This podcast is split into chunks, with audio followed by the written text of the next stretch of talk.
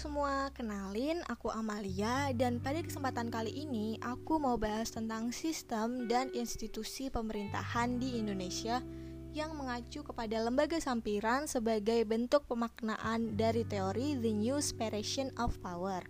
Nah, langsung aja kita bahas dan stay tune.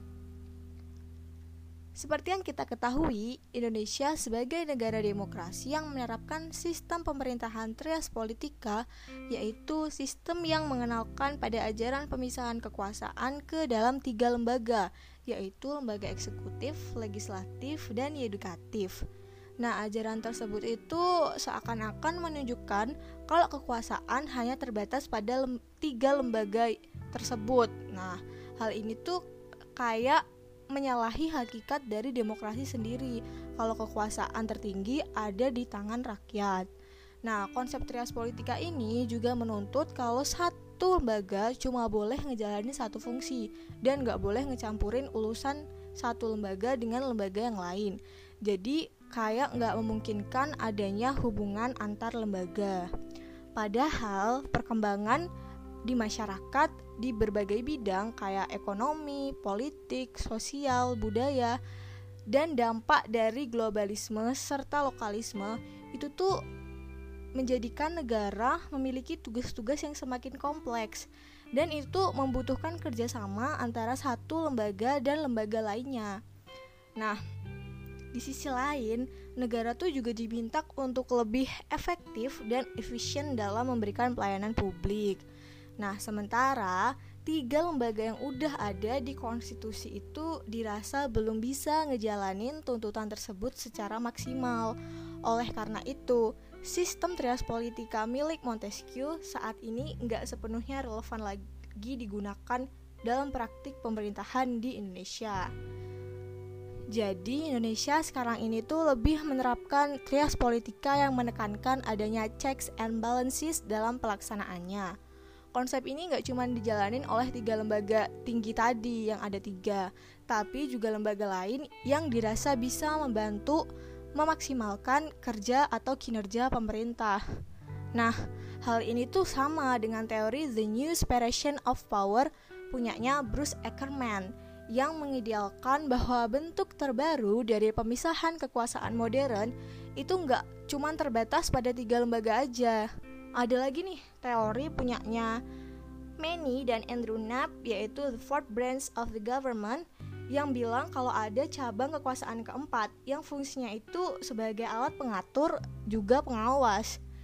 Nah, dengan begitu perlu adanya cabang lain dari lembaga pemerintah yang berusaha untuk mengontrol dan membatasi fungsi kekuasaan sehingga antara lembaga satu dan lembaga lainnya tuh nggak ada yang punya posisi tertinggi. Terus seperti yang udah dijelaskan sebelumnya, kalau konsep pemisahan kekuasaan milik Montesquieu itu menafsirkan bahwa satu lembaga cuma boleh menjalankan satu fungsi. Sedangkan dalam teori organisasi dijelaskan jika pelaksanaan satu fungsi atau tugas tidak selalu hanya dilaksanakan oleh satu lembaga aja. Nah, hal ini tuh dilakukan supaya fungsi dan tugas tersebut bisa dijalanin secara efektif dan juga menghindari maraknya penyimpangan fungsi lembaga. Jadi, berkaca pada teori yang ada dan kondisi terkini, mendorong atau memotivasi untuk uh, adanya lembaga sampiran atau lembaga independen yang diorientasikan untuk mewujudkan pemerintahan yang lebih demokratis. Nah, kalau di Indonesia sendiri, uh, secara historis nih ya, embrional pembentukan lembaga sampiran itu sebenarnya udah dimulai sejak pembentukan Komnas HAM pada tahun 1993. Nah, pada awalnya Komnas HAM ini punya kedudukan di bawah eksekutif karena dia dibentuk melalui keputusan presiden. Nah, tapi seiring berjalan waktu, ia lalu dibentuk dengan dasar hukum melalui undang-undang. Nah, pergantian dasar hukum ini lalu membuat Komnas HAM memiliki uh, posisi yang sejajar dengan lembaga lain. Tapi meski Komnas HAM ini memiliki uh, posisi yang sejajar dengan lembaga seperti eksekutif, legislatif, dan yudikatif, tetapi dalam menjalankan fungsi, tugas, kewenangannya, komisi ini uh, harus memberikan laporan kepada Presiden dan DPR sehingga dari uh, pertanggungjawaban komisi atau lembaga Komnas HAM ini berada di bawah presiden dan DPR. Nah, kalau itu tadi kan secara historial ya, secara sejarah. Sekarang kalau secara masif lembaga sampiran yang bersifat independen tuh mulai banyak tumbuh menjamur setelah runtuhnya rezim Orde Baru. Nah, kenapa? Karena pada pada Orde Baru itu kan banyak penyimpangan fungsi lembaga. Nah, itu mengakibatkan munculnya kecurigaan publik. Nah, jadi uh, lembaga sampiran ini lahir menjadi langkah awal reformasi politik serta upaya untuk mewujudkan good governance. Nah, reformasi tersebut reformasi tersebut juga diiringi dengan pembentukan lembaga independen yang dibentuk melalui berbagai dasar hukum kayak UUD, TAP MPR, UU, Kepres, Perpres, dan lain sebagainya. Nah, dimulai dari terbentuknya HAM pada 1993 sebagai pilot project atau uh, istilahnya kayak contoh lah, contoh sehingga tuh muncul nih lembaga-lembaga lain yang sejenis kayak KPK, KPU, uh, eh, Ombudsman dan lain sebagainya. Nah, ternyata lembaga sampiran ini hadir karena beberapa faktor. Nah, apa aja sih faktornya? Yang pertama itu karena adanya tugas-tugas kenegaraan yang semakin kompleks hingga memerlukan independensi yang cukup untuk operasionalisasinya. Nah, yang kedua, itu adanya upaya empowerment terhadap tugas lembaga negara yang sudah ada melalui cara membentuk lembaga baru yang lebih spesifik. Nah, oleh karena itu, lembaga-lembaga sampiran itu menjalankan fungsi campuran, yaitu semi legislatif, regulatif, administratif, bahkan yudikatif sehingga hubungan antara lembaga sampiran dengan pemerintah yang yang maksud saya tuh dalam konteks ini kayak eksekutif, legislatif dan yudikatif itu terletak pada pelaksanaan tugas dan fungsinya. Jadi didominasi dengan pelaksanaan tugas dan fungsinya. Nah, misalnya saja pada lembaga KPK, uh, eh, kalau hubungan antara KPK dengan eksekutif itu terlihat dalam melakukan aktivitas yang berkaitan dengan keuangan. Karena apa? Karena KPK itu selalu mengacu pada peraturan yang diterapkan oleh Departemen Keuangan. Lalu, hubungan KPK dengan legislatif dilihat dari pemilihan perangkat keanggotaannya, yaitu pemilihan anggota KPK yang dipilih oleh legislatif. Kemudian kalau KPK dengan yudikatif itu uh, dalam hal pengadilan tindak pidana korupsi di mana KPK sebagai penyidik dan penuntunnya penuntutnya. Sementara hubungan KPK dengan lembaga kehakiman dapat kita lihat pada pasal 24 ayat 3 UUD 1945 yang dijadikan pedoman oleh KPK sebagai dasar hukum yang menjamin eksistensi dari KPK itu sendiri.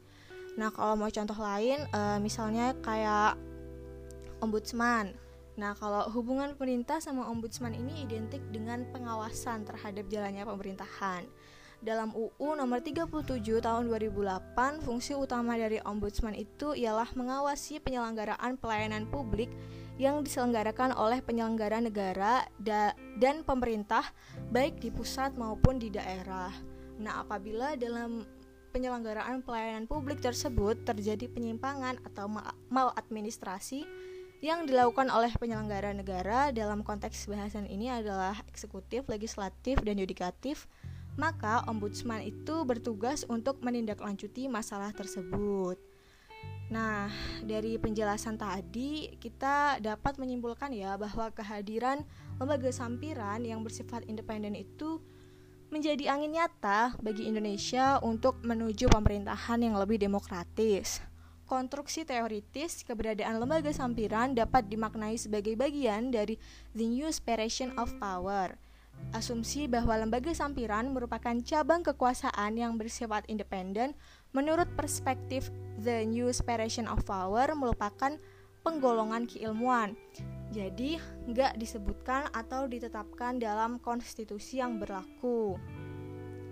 Kemudian, konsep checks and balances yang juga berlaku bagi lembaga sampiran itu nunjukin bahwa lembaga sampiran berperan dalam membatasi juga menyeimbangkan baik dari tugas, fungsi, maupun wewenang dari tiga poros kekuasaan asli, yaitu eksekutif, legislatif, dan juga yudikatif. Hal tersebut dilakukan sebagai respons terhadap tugas-tugas kenegaraan yang semakin kompleks serta menghindari uh, adanya penyimpangan fungsi lembaga baru seperti tadi udah jelasin pada masa Orde Baru kan banyak penyimpangan fungsi lembaga. Uh, jadi oleh karena itu tanpa kehadiran lembaga sampiran tercapainya pemerintahan yang demokratis hanya menjadi hayalan belaka. Nah, gak kerasa nih kita udah sampai di menit terakhir dan artinya aku Amalia harus pamit undur diri. Terima kasih uh, buat kalian yang udah ngedengerin podcast ini. Uh, tetap semangat, jangan lupa jaga kesehatan dan sampai jumpa.